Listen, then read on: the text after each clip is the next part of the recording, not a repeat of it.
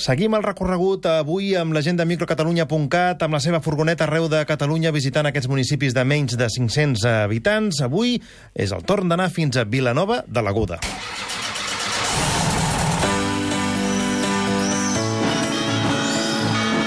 Viatgem per la microcatalunya.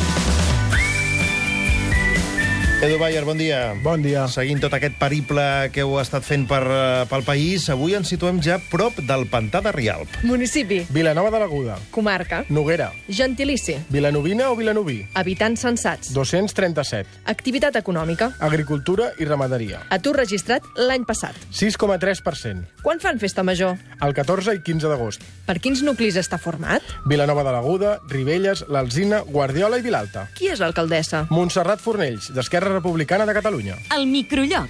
Edu, què ens recomaneu que fem, visitem a Vilanova de l'Aguda? Ostres, el gran castell de Ribelles. Està situat a dalt d'un turó i construït sobre la mateixa roca i tot i que normalment és tancat al públic, si parleu amb els veïns o bé amb l'alcaldessa, també us el poden ensenyar. La visita al castell val molt la pena, eh? La pujada al campanar, la, l'església romànica amb els frescs, la passejada pel jardí, eh, és un jardí romàntic, magnífic. Les vistes que hi ha des del pati d'armes o des del cementiri són realment impressionants. Bona part de l'interior del castell està en ruïnes, eh, faria falta moltíssims diners per reconstruir-lo, i se'n té constància de la seva exi- existència des del segle X. Però, segons la llegenda, va ser construït anteriorment per un dels nou barons de la fama que es veu que van ser els fundadors de Catalunya, que van liderar la lluita contra els sarraïns.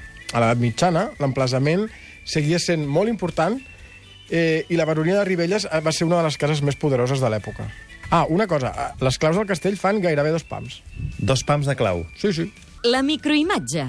La imatge que ens porta l'Edu avui té a veure amb la figura del mosso, no el mosso d'esquadra, sinó un altre, que està desapareixent a Catalunya. Sí, queden poques persones que visquin en una casa de pagès sense ser-ne família, però treballant les terres i tenint cura de la casa a canvi tan sols de manutenció. Això és el, que, s'han- el que hem après, que són els Mossos.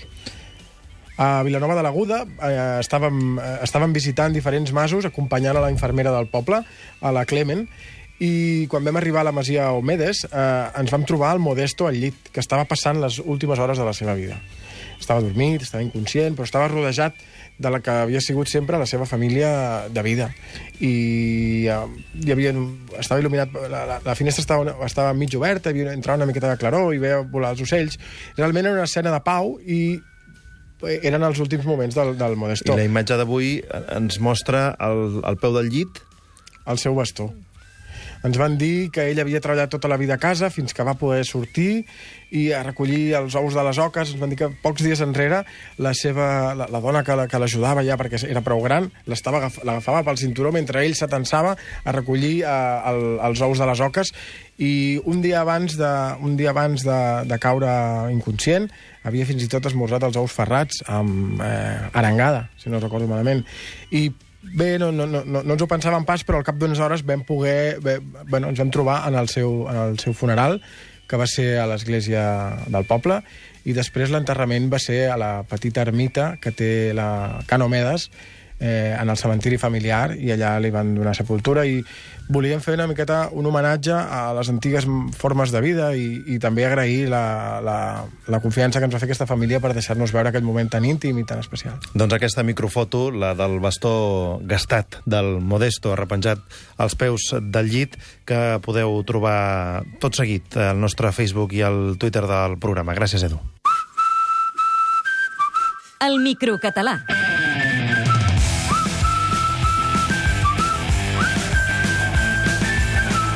Que avui és una microcatalana. És la Montserrat Fornells, l'alcaldessa de Vilanova de l'Aguda. Montserrat, molt bon dia.